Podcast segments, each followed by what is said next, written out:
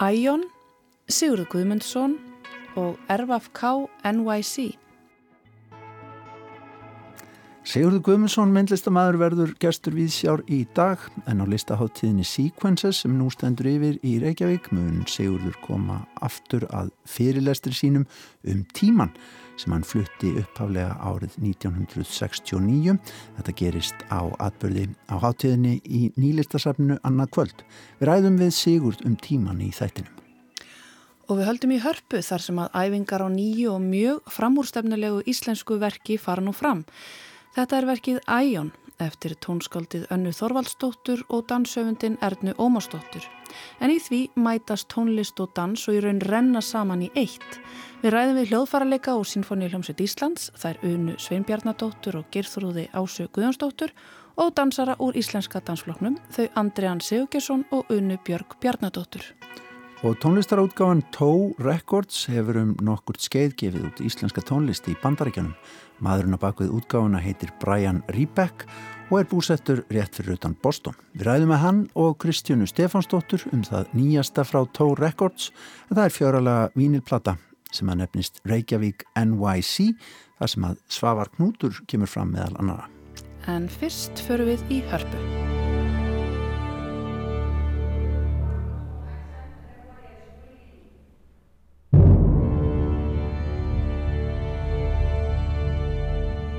Stödd í Eldborgarsal Hörpu.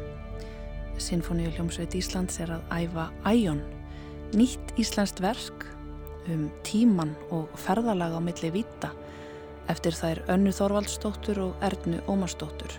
Í þessu verki mætast tónlist og dans á nýstarlegan hátt í raun renna dansarar íslenska dansflokksins og hljóðfaraleikar Sinfoníu hljómsveitarinnar saman í eitt.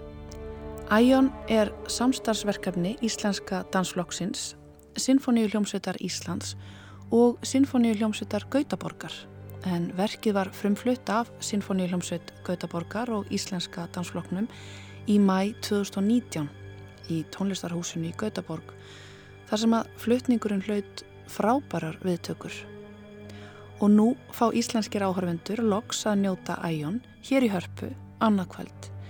En ég ætla að fá að trubla hérna nokkra listamenn og spurja þau nokkura spurninga.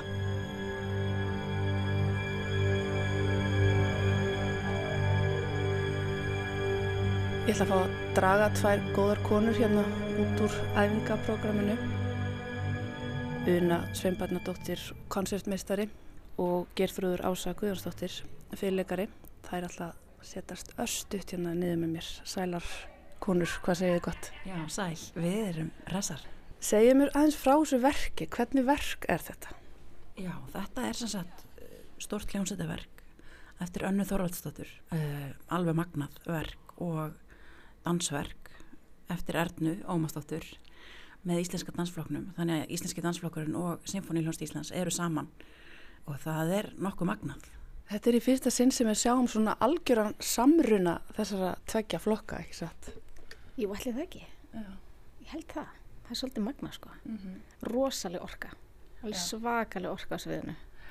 Já, og líka vegna þess að, að þetta er í rauninni kannski í fyrsta skiptið sem að við sitjum ekki sem fastast hljómsveitin, sko. Við tökum þátt og það er búið að vera mikið og skemmtilegt ferli fyrir okkur. Af því að nú, eru, nú sitja symfóniljónstir grafkjörar bæði á hæfingum og tónleikum venjulega undir venjulegum kringumstæðum og, og þarna er það alls ekki raunin sko. Og, og bara fyrsta æfingin sem var reyndar fyrir bara þreymur árum undirbúningsæfing með Ernu og, og Önnu. Það er búið fresta nokkru sinnum uh, mitt út af COVID. Og hún var þessi fyrsta æfing var eiginlega algjör ofinbjörn fyrir okkur því að þá fengum við að standa upp og, og reyja okkur á æfingunni. Og mér fannst það alveg æðislegt sko. Ég, ég fattaði að það er alveg stundum erfitt fyrir mig að setja kjör Og kannski hugsaðu bara, býtuðu af hverju gerum við þetta ekki bara oftar?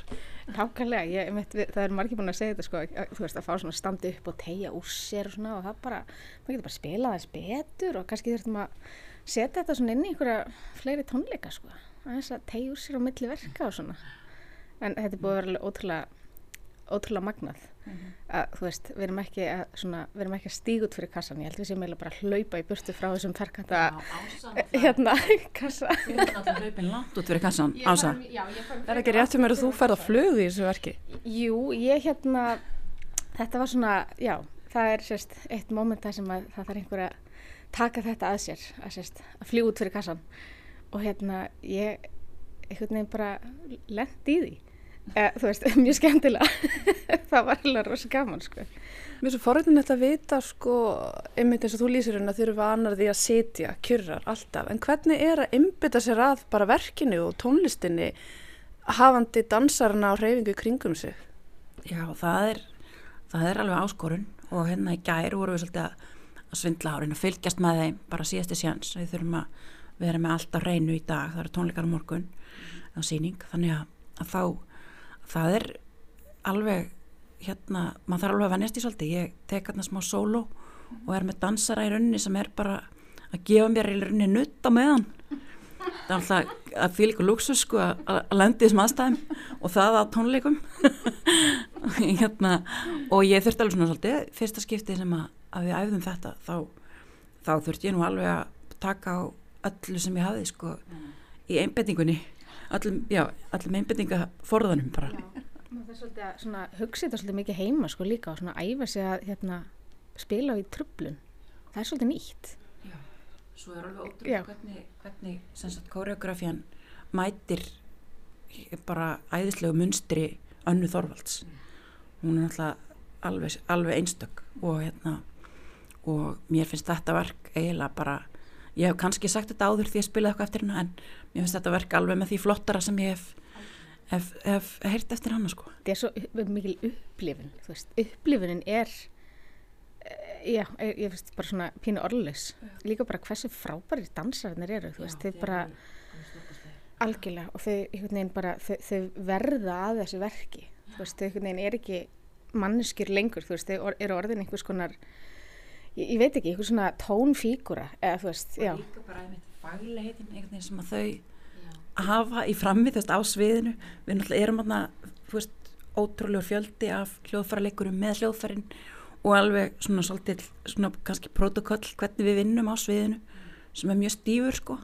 En þau eru alveg að þau hérna einhvern veginn renna inn í það Þið þetta eru það frimflýtið þetta verk, en verki hefur verið flutt áður í flutningi Gautaborgar sinfoníunar með dansfloknum hérna fyrir, fyrir COVID. En hérna og þá er mitt fekk verkið alveg bara stórkurslega dóma. Og þá var ég mitt talað um sko, ég var búin að punta þetta, það var sérstaklega líst sem algjöru náttúruafli og, og verkið þótti vera sönnun þess að tónlist og reyfing eiga svo ósköp vel saman. Algjörlega, ég meina, da, þú veist, tónlist þarnast augljóslega reyfingar eða reyfingu og ég held að, að Anna hefur bara einhvern veginn heimurinn hennar, hennar hljóð heimur sem Anna á og við fáum að, að flytja, hann er svo einstakur og svo kemur íslenski dansflokkurinn og þau bara verða að, eða sérst, já, svona flytja inn í þennan heim og þetta verður bara, þetta er svo sjónrænt. Það þarnast svo mikið líka að geta hort á það sem er að gerast ég held að, já, ég held að annars ég bara hún er búin að búa til eitthvað stórkoslegt Við sjáum tónlistina svona líkamnast.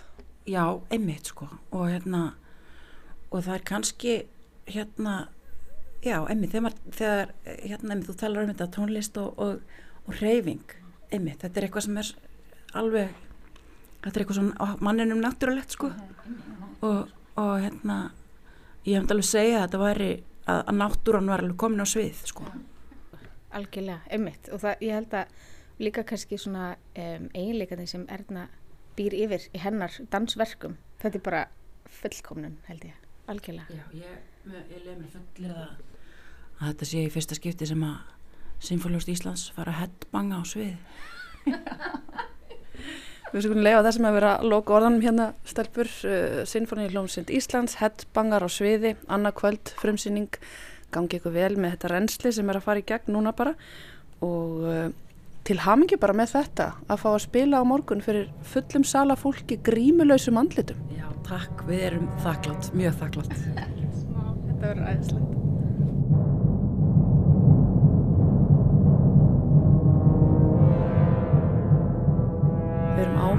hörpu hlustendu góður. Nú er ég búin að fá að stela hérna tveimur dönsurum. Una Björg Bjarnadóttir og Andriðan Sigurgjersson er sest niður með mér. Ég ætla að fá að spyrja svona aðeins út í þeirra upplifin af þessu verki, þeirra önnu og ernu. Una, hvað segir þú? Hvernig myndur þú að lýsa þessu verki? Minni eigin upplifin innan verksins myndi ég lýsa sem ansi magnþrunginni þar sem við erum með alla þessa tónlistamenn og allt þetta flotta tónlistafólk á sviðinu með okkur sem spilar bara tónlistina í rauntíma og að upplifa þá orgu og meðan maður dansar er alveg nýtt fyrir mér og finnst alveg geggjað við þetta verk. Uh, Æjón er um tíma og tímaflakk og það, það er alveg tilfinning sem að maður fær gegnum þessa koreografísku leið sko uh, spítast á milli vita og, og í rauninni lenda í ákveðnum svona ákveðnum friksjóni við, við vítir eða við annað, já yfir það sem er erfitt að útskýra það sem er ekki línulegt eins og tíminn er ofta séður mm -hmm.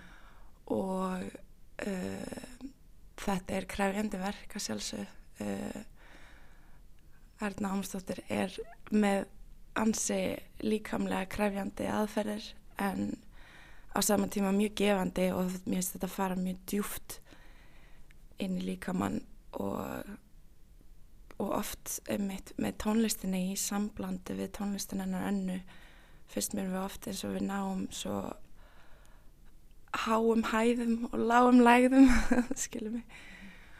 Og tónlistin er einhvern veginn já, mér finnst hún virkilega ná að komast inn í líkamann sko, sérstaklega eins og ég segi hafa, hafa flytningin hann á sveðinu mm -hmm. Það er töluð einmitt um þetta una og ása áðan að þessi, þetta verk væri svona eins og svona að upplifa líkamlega tónlist.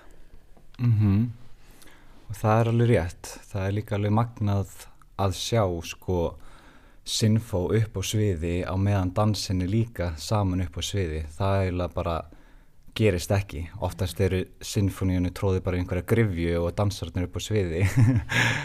Og hérna eða bara tónlistin ekki sínileg ja. þú veist. Og bæði tengjast þessar listir því að hvorugt notar í raun og veru orð eða tungumálið. Og þá er það talað fagurt að nota þessi þessar þessi tvö listform þess að skapa möguleika á þessi, abstrakt viðfangsefni sem er tímin mm. og leika sér með það mm. og, og það er bróttralega gaman þú veist líka að vinna með þeirra líkama og það sem að þau gefa frá sér líkamlega upp á sviði mm. og það, mun, það kemur líka partu það sem að í verkinu það sem að við í raun og veru dansum við þau -hmm. uh, sem er alveg magna mm -hmm. Þetta er sammála unnu hérna kollegaðinu um að þetta sé krefjandi fyrir dansara þetta verk? Uh, já, virkilega þú veist, um, náttúrulega dansin er uh, eins fjölbreyttur og það er mikið á honum en um, Erna leggur rosalega mikið upp úr því að mér finnst sko að, að, að hún næra að grafa einhvern veginn útrumanni tilfinningar og, og næra líkamnaður þannig að, að áhörandin að mér finnst uh, sko verður svo rosalega einhvern veginn vestið í verkinu og, og hérna að það spilar á einhvern veginn, djú, einhvern veginn djúpa tilfinningastrengi sem að oft um, orð ná ekki að, að spila á mm. Einmitt, góð lýsing og hennar svona höfundarengjunum þá er oft eins og maður sé bara að upplifa tilfinningar líkamnast Algjörlega. Mér langar svona aðeins að lókum, ég er bara svo forutinn um starf ykkar dansarana. Þetta er alveg ótrúlegt að vinna með líkamann sem verkfari alla daga. Talandum sko krefjandi líkamlega, en hvað með andlega? Þarf maður ekki að undirbúa sér líka bara andlega? Jú, vissulega, þú veist, það er sérstaklega þegar til dæmis kemur að, að síningum að þá, allavega ef ég tala út frá sjálfum mér, að þá er maður rosalega mikið að gefa frá sér og hérna maður gefur bara, maður leggur sér allan í verkið og maður fer alveg bara inn í tilfinningarnar og inn í inn í hérna hugmyndina og, og oft skilur maður, skilur maður öll af sér og maður er bara gjössulega tómur eftir síningar -hmm. og er einhvern veginn að púsla sér saman aftur eh, en svona, já, dagstaglega þá -hmm. er maður bara búin að temja sér á hvað svona bara mentalitet, þú veist og maður breyðar aðeins frá því og, og, og þá bara kemst maður aftur í það, þetta er bara svona lífið. Eins og hjá öllum kannski bara. Já, ég þekki það sem andriðan talar um sko, þessi, þetta gefur all og svo á maður ekkert eftir en það, það er held ég líka eitthvað sem við sem sviðslista fólk getum fundið línuna með. Um, og ég held að með, með ábyggla með mikillir reynslu en það kemur einmitt fyrir í svona ótrúlega hrifnæmum verkum eins og með erðinu að maður bara hrifst, hrifst með og það er bara, maður fer bara í annan heim mm. og þar er, er þetta svolítið intens stundum Er þið tilbúin fyrir morgundaginn? Þú ætlum að slepp ykkur, er þetta tilbúin? Já, ég bara hlakka til að, hérna, að sína þetta. Ég var ekki með hérna í Gautaborg þegar þetta var sínt þá. Um, ég var með í frumsköpunni en þurfti aðeins að skreppa og og pöngast í Tel Aviv hérna um árið. Svo ég hlakka rosalega til að hérna að fá loksins að sína þetta og, og sína íslenskum almóa þetta mistrast ekki. Mm -hmm. Una, þú ert búin að sína þetta áður í Gautaborg. Það verður þetta allt öðru sér núna? Allt öðru sér en svo líka bara harpa allt, allt annað rými og, og starra, starri áhranda skari mm og ótrúlegt svið og við virkilega fyllum eldborg sko með alls konar miðlum. Þannig að ég er virkilega spennt að sína þetta verka eftir heima hér Takk innilega Una Björg Bjarnadóttir og Andriðan Sigurgjörsson fyrir að spjalla við mig og gangi ykkur vel bara með æfingar og allt saman Takk fyrir Takk enlega Nokkrir hljómar úr Æjón, nýju verki þeirra Önnu Þorvaldsdóttur og Ernu Ómarsdóttur. Verki um tíman þar sem að sinnfá hettbangar á sviði og dansarar spítast á milli vita. Einstakur viðburður í íslensku listalífi lefið mér að segja. Já, þetta hljómar resandi. En uh, Þorgerður Ása Aðalstensdóttir, hún var líka að huga að nýri tónlist, reyndar allt annars konar tónlist. Uh, hún hitti í dag Brian Riebeck frá tónlistarútgáðinu Toe Records og Kristjánu Stefánsdóttur söngkonu. Við skulum heyra hvað þeim fór á milli. Brian Rebeck. Rebeck. Yep. You've been coming here since 2008. Yeah, um, maybe a little bit before that, but I started Airwaves in 2008. Started coming annually for Iceland Airwaves um, in 2008, and then just over the time I've met people and, and have like a lot of really great friends up here. So, and, and like Christiana takes care of me when I'm here, so... But, yeah, so... Brian sagði mig frá því að hann hefði fyrst komið til Íslands nokkru fyrir árið 2008 þegar hann millilendi hér á landi á leiðinni til Hollands. Hann stoppaði hér í sólaring og kolfjall fyrir landinu. Hann fór svo á Æslandi Airwaves í fyrsta sinn árið 2008 og hefur farið á tónlistarháttíðin á hverju ári síðan, eignast marga góða vini og reynir hægt og rólega að læra tungumálið. Hann gaf samt lítið fyrir það þegar ég sagði Íslandinga vera mjög hefna að hafa mann eins og hann til að flytja út íslenska tónlist. Greinilega hóvær maður hér á ferð. It was a flyover. I did one of the Icelandair flyovers for like a 24 hour going to Holland. I just, that, that 24 hours, like everybody that does Iceland for their first time, absolutely fell in love with it. Um, it's a completely different beast now, but it's still really good. It's still really great. I like it a lot. And uh, slowly trying to learn the language and yeah, and and doing things like that. But um, yeah, I don't know. Well, we're very lucky to, to have someone like you. Oh boy, no. Ég spurði Brian hvort hann hefði verið einráður í því að para Kristjánu og Svavarknút saman við Emily Hope Price og hann hjátti því. Þau Brian eru æskuvinir og ólust upp í sama bæ í Utah fylki. Emily hefur verið að var öflugið í tónlistarsinninu úti og spilað með ýmsum hljómsveitum en Brian hefur leið í henni undanfarið um að gefa út sóloplötu. Það var því eins konar málamiðlun þeirra á milli að hún yrði þessi stað með á plötinni sem hérum ræðir. so you paired Svavar and Christiana up with Emily Hope Price? Yes. Okay. She's a friend of mine. She we grew up in the same town in Utah, and so uh, I've been at her to uh, release something, and this was our compromise. Instead of her releasing an album, she was like, "Fine, I'll I'll be on this." so maybe we'll, we'll switch over to Icelandic now, if you okay. don't mind. Okay. And uh, langa að spyrja því Kristín út í ferlið. Já. Plötinni, hvernig ekki að þetta hefur vantilega verið svona nútíma COVID-plata eða hittust í personu til að semja og taka upp því Emily Hope Price og Svavar Knútur?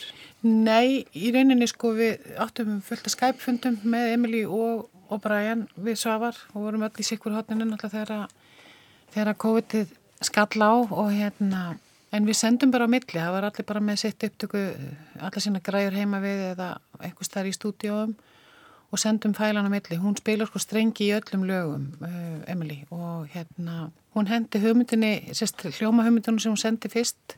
Þegar við ætlum að pröfa að semja saman og þá átti ég laglinu sem að ég er búin að vera með þú veist í langan tíma sem ég hugsaði bara þetta geti passað yfir þessar hljóma.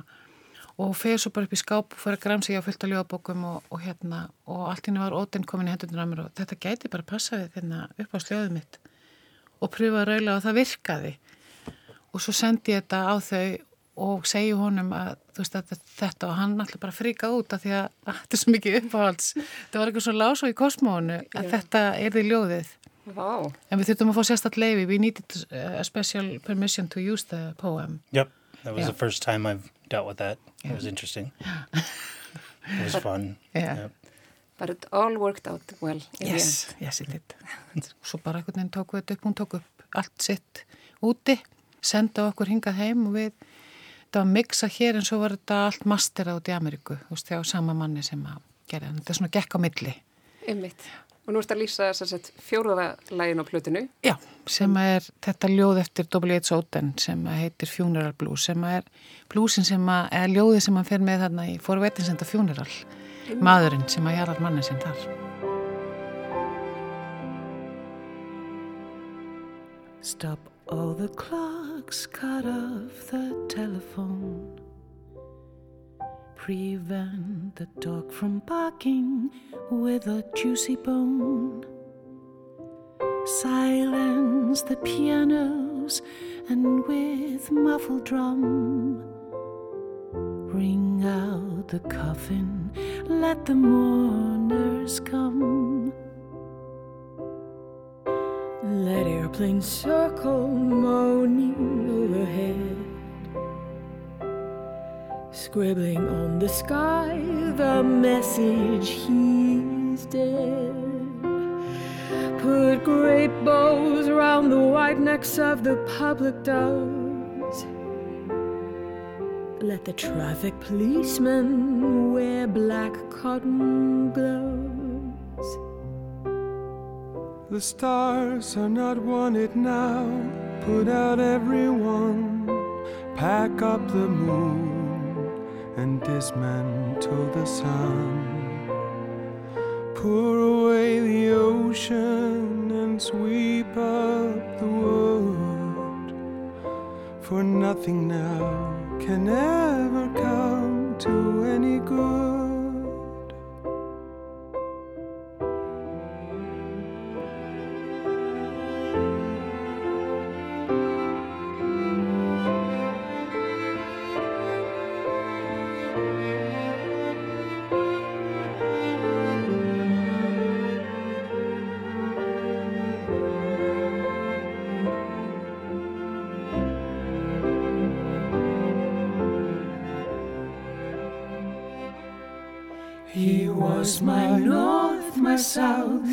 East and west. My working week and my Sunday rest. My noon, my midnight, my talk, my song. I thought that love would last forever. I was wrong. I thought that love would last forever. I was wrong.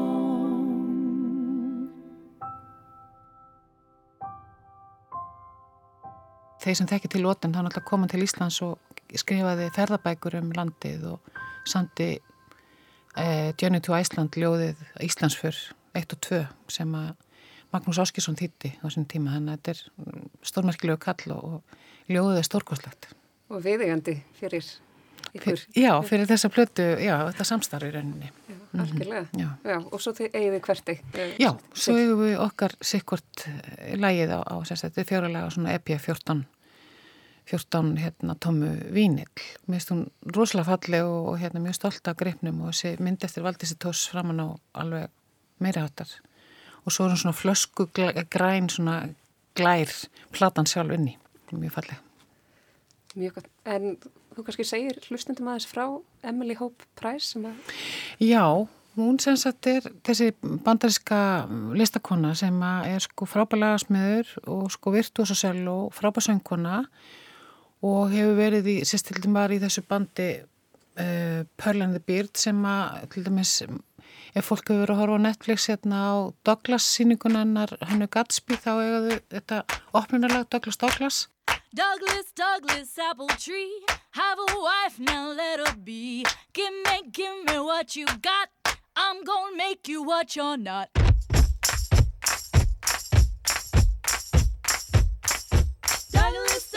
prickly pear.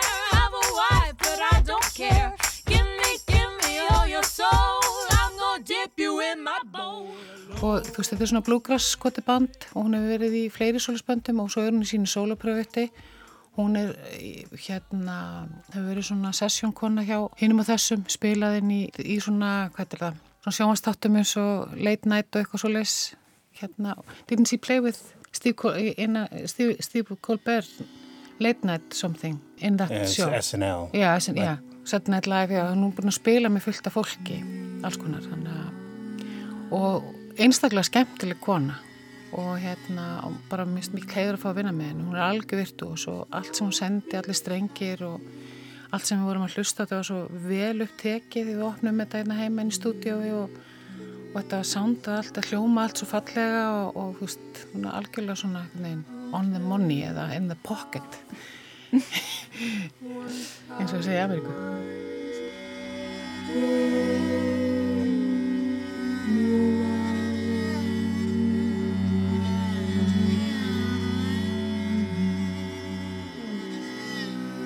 Mér langar að segja kannski líka með, með lægi mitt hérna, það heiti Barmafyllt hjarta og er eini íslenski tekstin sem er á plötunni og tekstin er eftir Guðfinnu Gunnarsdóttur sem er æskuvingon minn frá Sjálfósi og þetta lagurinn kemur í kjölfari við vorum að vinna saman að leiksýningu fyrir leikula Selfossi kom og átti var búin að vera á listamannalaunum og átti smá frían tíma og kom og gerði hljóðmynd fyrir þau við þetta verk sem var svona feministverk sem hún vann upp úr tekstum eftir Margaret Atwood og þannig að þetta lagurinn er verið til fyrir þá síningu og hérna sem endaði svo á þessar plutt af því að þetta varði veginn aðeins meira eldur en bara eitthvað lítið hljóðmynd þetta er svona skemmtileg þróun á læginu. Indislegt lag. Takk fyrir.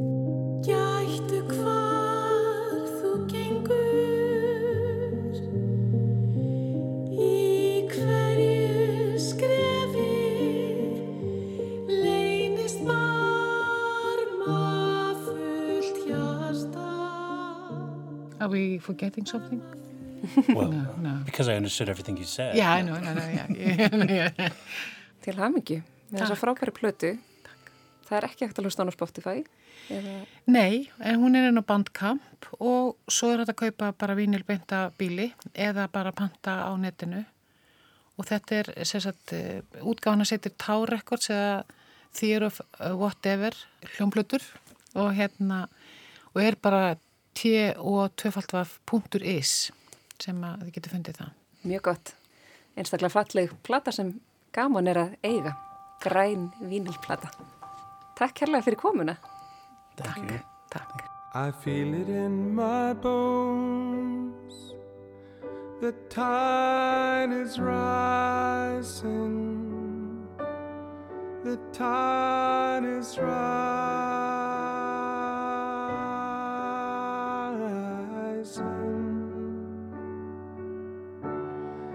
tide is rising.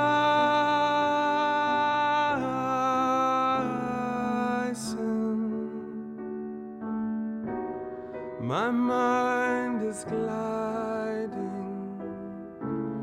the tide is rising. I feel it in my soul, the tide is rising, the tide is rising.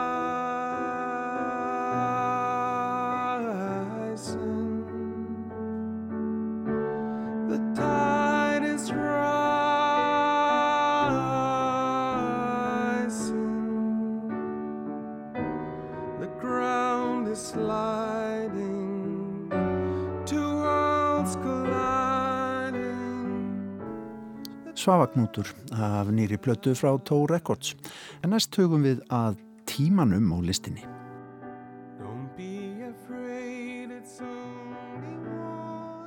Sequences listaháttíðin, tíma tengda listaháttíðin, hún stendur yfir í Reykjavík þessa dagana, forvitnilega háttíð sem að, já, á sér eiginlega hjartastað eh, vestur á Granda í Marsalhúsinu í, í nýlistasafninu og Klingobang og eh, er svo sem tegis í víðanum bæinn.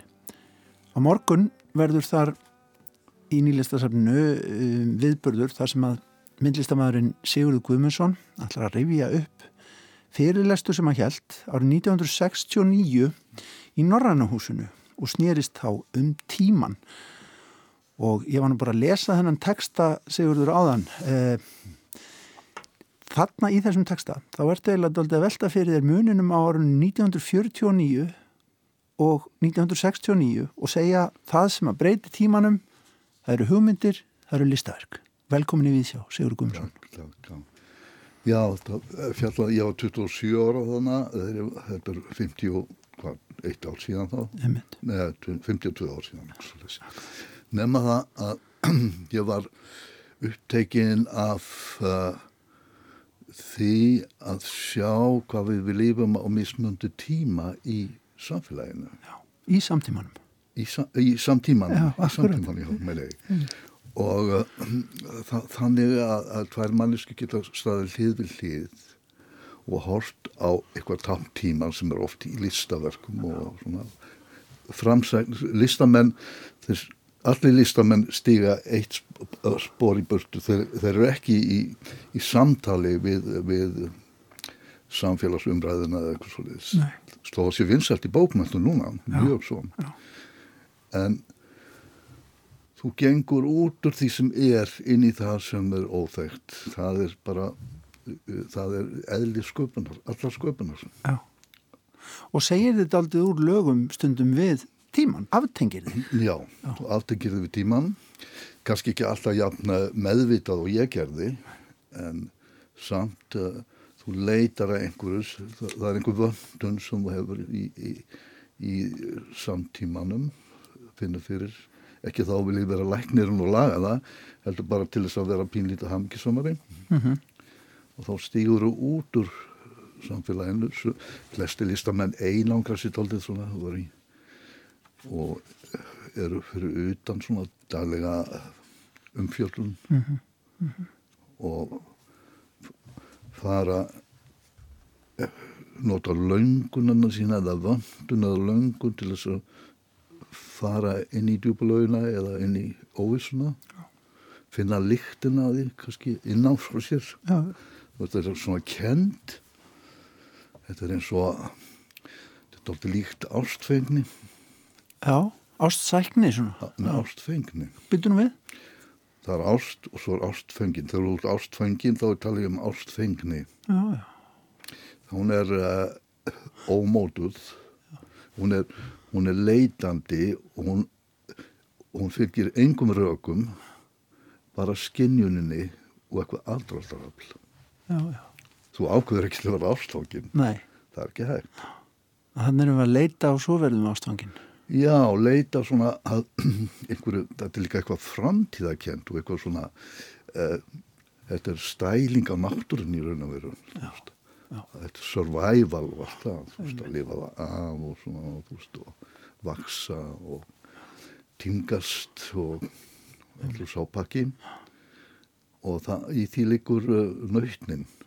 Þarfst ekki að vita að því að það sé svo leiðis en það er að mínu viti er það uh, vald það sem veldur löngunni það er í raun og veru lífslöngun Mm. eða eitthvað náttúru tengt uh, Tímgun?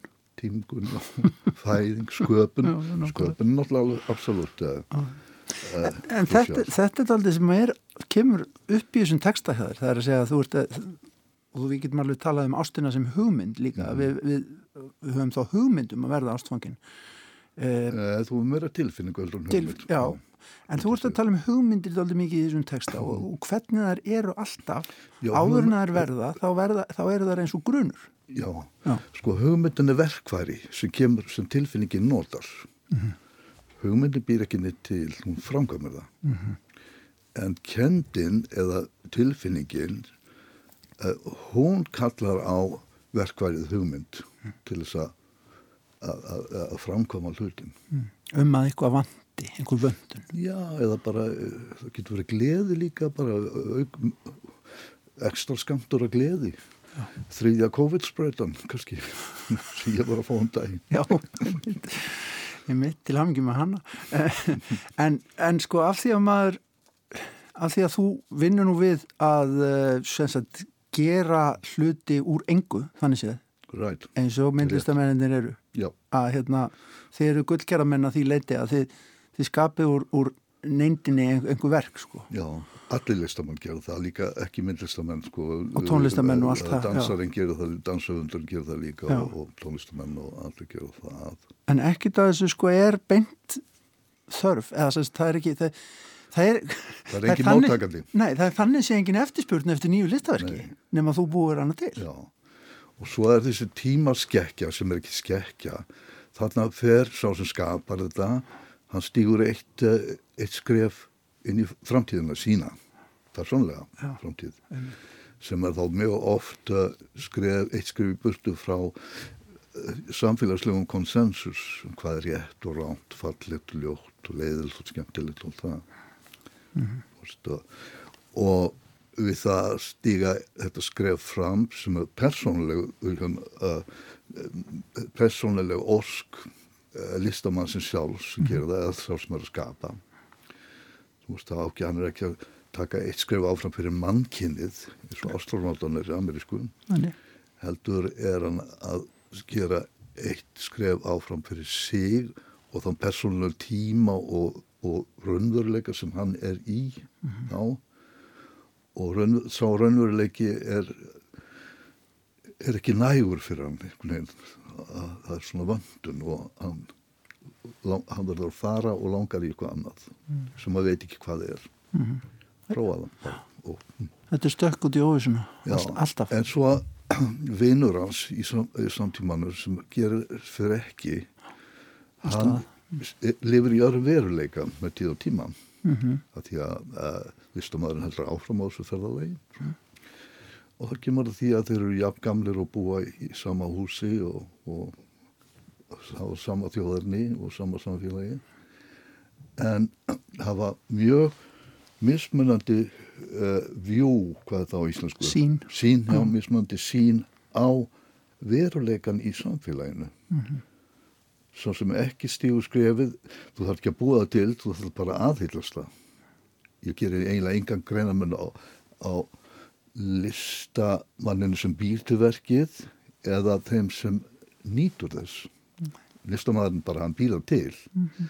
En það er alveg sama ferðalag, þú getur ferðast líka á þess að búa það til, ef einhver annar býr það til, þá, þá, og þú, og þú þið finnst það fallegt eða interessant og mótu hvað svona, þá ferðu þanga og þá sérðu líka örlítið þá uppdöfur alls konar hluti sem það er ekki séð áður Mhm. langt fyrir utan listaverkið svona færið þið til í tíma fram á við í framtíðina og ef þú hefur þetta af 24 tíma starf á dag þá fjarlægstu meira og meira samfélagið en á leiðinni þá mætur þeim sem voru áður framtíð þín og eru til og listaverk líka skilur svo þú ert ekki einn í heiminum að taka fyrsta skrefið.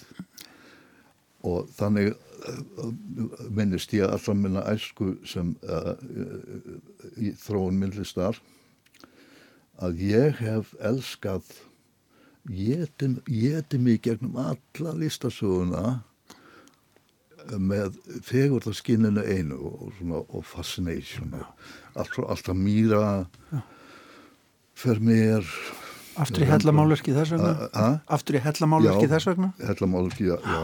Mm. Og, og, og Duchamp og, og whatever, you know, og músík líka og litteratúr. Sko, listin er þess vegna reyfiafl, hún getur, hún getur skotið okkur fram í framtíðina, hún getur reyfið okkur aftur í fortíðina. Well, já, hún, já, hún, hún sér kannski báðar áttir hún er framtíða megin sköpunin er alltaf framtíða megin alltaf. Um, þessna er það er svo erfið til dæmis svo, uh, ef ungu maður er að gera ef er að, að uh, syngja rýmur og svona og eða búið til svoleiðis músík eða með einhvern fornan hveðskap það er eitthvað svona ónáttúrulegt við það. Já eftirlíking, akkurat. Sko, bökkum aftur til ásins 1969 mm. ungum maður heldur fyrirlestur í Norrannahúsinu ætlar að tala um tíman byrjar bara hér í fyrstu málskreinu talað um afstæðkenning og Einstein og, mm. og það eru stórar hugmyndir í þessum texta mm.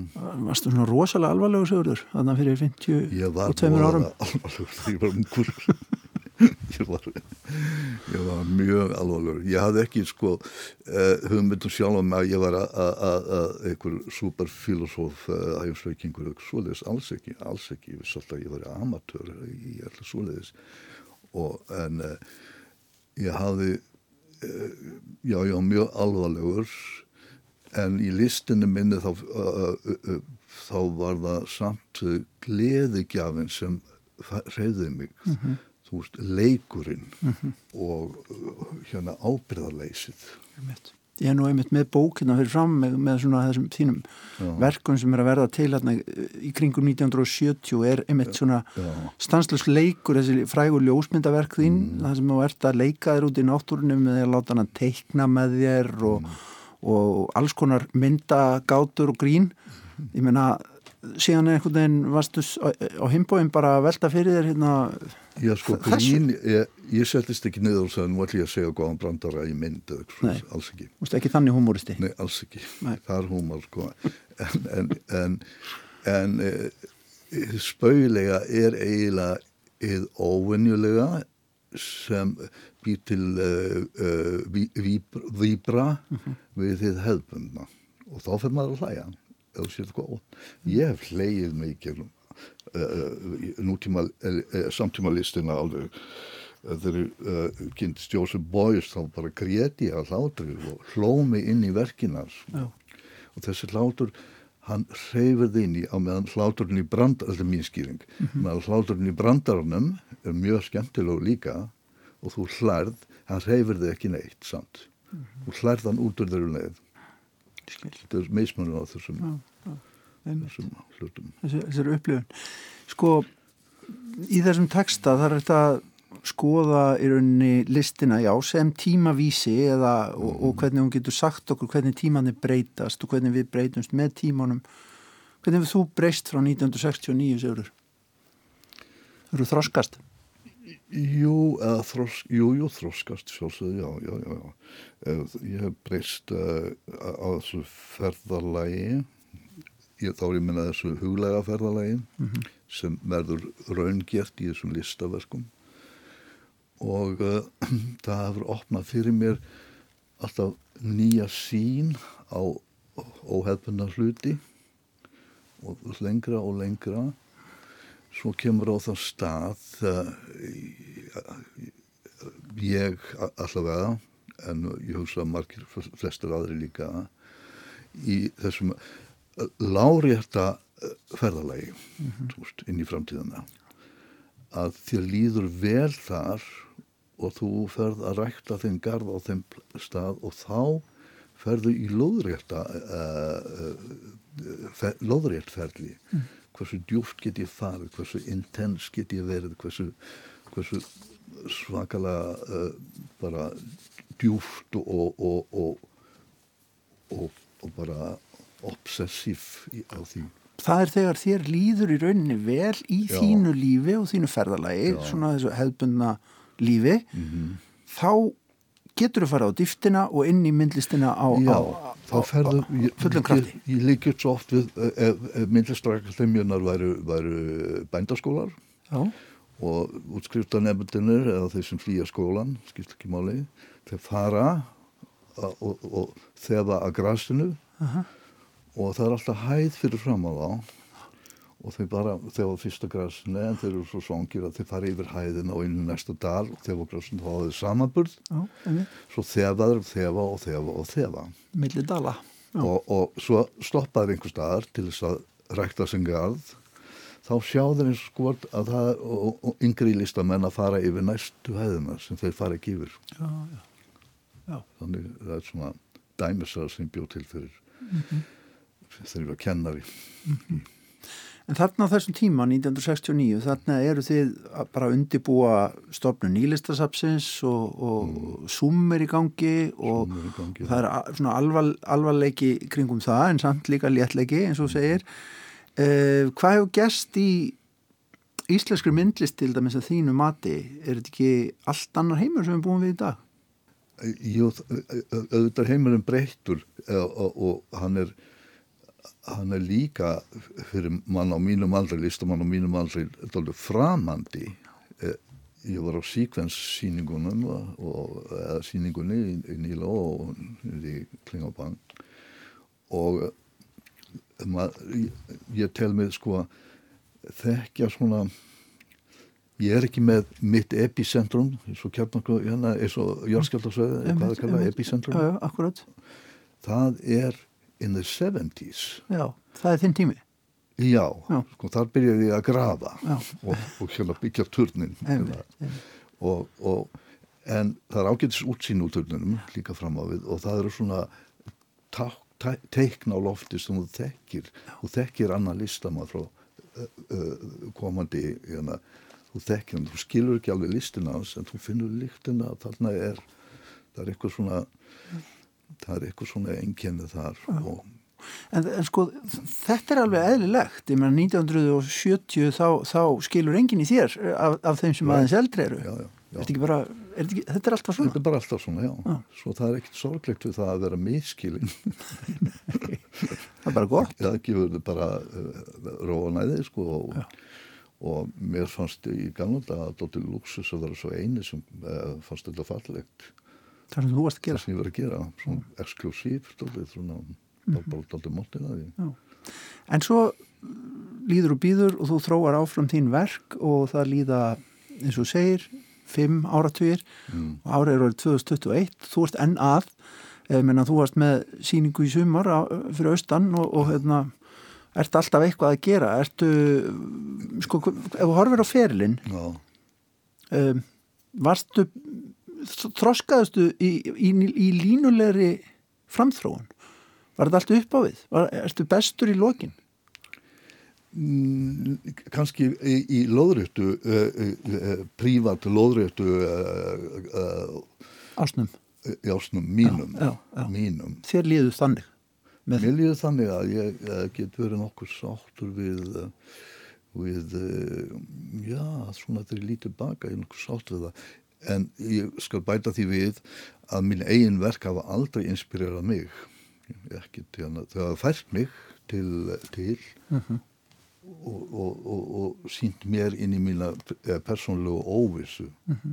svo lætur þau bara vera og þau, þau lifa sínu lífi Já, sko ég get ekki, þegar ég sé gamlu verki mín í bókum og svona og, og vídjóm og filmum, þá, þá uh, hef ég svona tilfinningu, ég man eftir tilfinningunni og atmosférinu og alltaf því, já, þessu tímaskeiði þegar ég gerði verkið. Og þetta er eins og sko gammalt album, uh, fjölskyldalbum. Það var lítill og þegar krakkanu voru að fæðast líka og svona, mm, þarna var þá og þannig svona var þetta þá. gammal vinnur gammal vinnur, já, og, og, og bara staðfesting á að hafa verið til, Já. fyrir mig. Ég uh, saði alltaf að í gamla daga hvert einastu verk sem ég geri er, er blindgata leiður ekki til annara gödum ég uh, skil nú ekki frasan lengur en, en, en það er eitthvað satt í honum líka. Það var góður samt. Já, já. ég hugsa ég að vera að meina það að ég get ekki sótt visku mína í þetta verk sem ég er nýbúin að losa frá þess frá, út um mér. Já. bara eins og úrgang akkurat. Og, og þá þarf bara að halda áfram? Já, að skapa það, það er ekki að vera list að skapa er, er e, einalega lífsins bara fyrir alla. Skapa. Og þeir eru fundist það gaman? Mér eru fundist að svona lífsnöðsin já. Hvort sem það var lóaklapp eða ekki Stundum gaman, stundum erfitt Erfitt? Já. Ofta erfitt, já. Ég hristi, ég, það er ekki mörg millistöðarkvöldum sem ég hrist út á önninni, nei. Þetta hefur komið svona í, í, svona einhverjum uh, kendarskellum á mig. Já. En listin, hún kennir okkur ímislegt um tíman og þú ert að ræða það í þessari hérna Rítgerð sem maður Sequences er að prenta núna og dreifa aftur og er á netinu til dæmis hægt að leta. Í þessari sömur rítgerðana þá uh, tala ég um að tekja uh, Þyrnurósum og, hún var af hérna álkonunni vondu var hún svæfð í hundrað ár. Og þá kom góða álkonan og hún svæfði alla hirðina í hundrað ár alla í kringum hana. Já svo eftir hundra ár þá vöknuði allir og þeim fannst þeim að bara svoði því einan nót þó að möndulsnúningurinn væri hundra árum eða ekki möndulsnúningurinn eldur fer, ferði jarðar kringur sólu ja. væri hundra hundra ringir ja, svo það er ekki tíma það er ekki tíma vísirinn. Nei, endilega. Þessi hundrað ár, einhver tilbúningur, einhver tala. En ég hérna þakkaði fyrir komuna Sigurður, ég ætla að fá að hérna, lokum að vitna hérna bara aðeins í blá lokin í textan okay. uh, lesa hérna Tímin er mikilvægur þáttur í allri list, listin er mjög heppilega aðferð til að ferðast í tíma og rúmi, flestar leiðir til nýra tíma liggja gegnum listaverk. Við skinnjum nýja myndlist en hún opnar okkur nýjan heim sem er ekki draumur heldur veruleiki. Við látum gamla heiminn lönd og leið höldum þó eftir nokkrum pinglum, eilitlum menningarlegum farangri eða lögvenduðum listaverkum. Af þeim getum við séð hvar við vorum stödd. Rétt, já. Takk já. fyrir komuna í Vísjá. Takk sem leiðis. Og á þessu spjalli við Sigurd Guðmundsson líkur Vísjá í dag.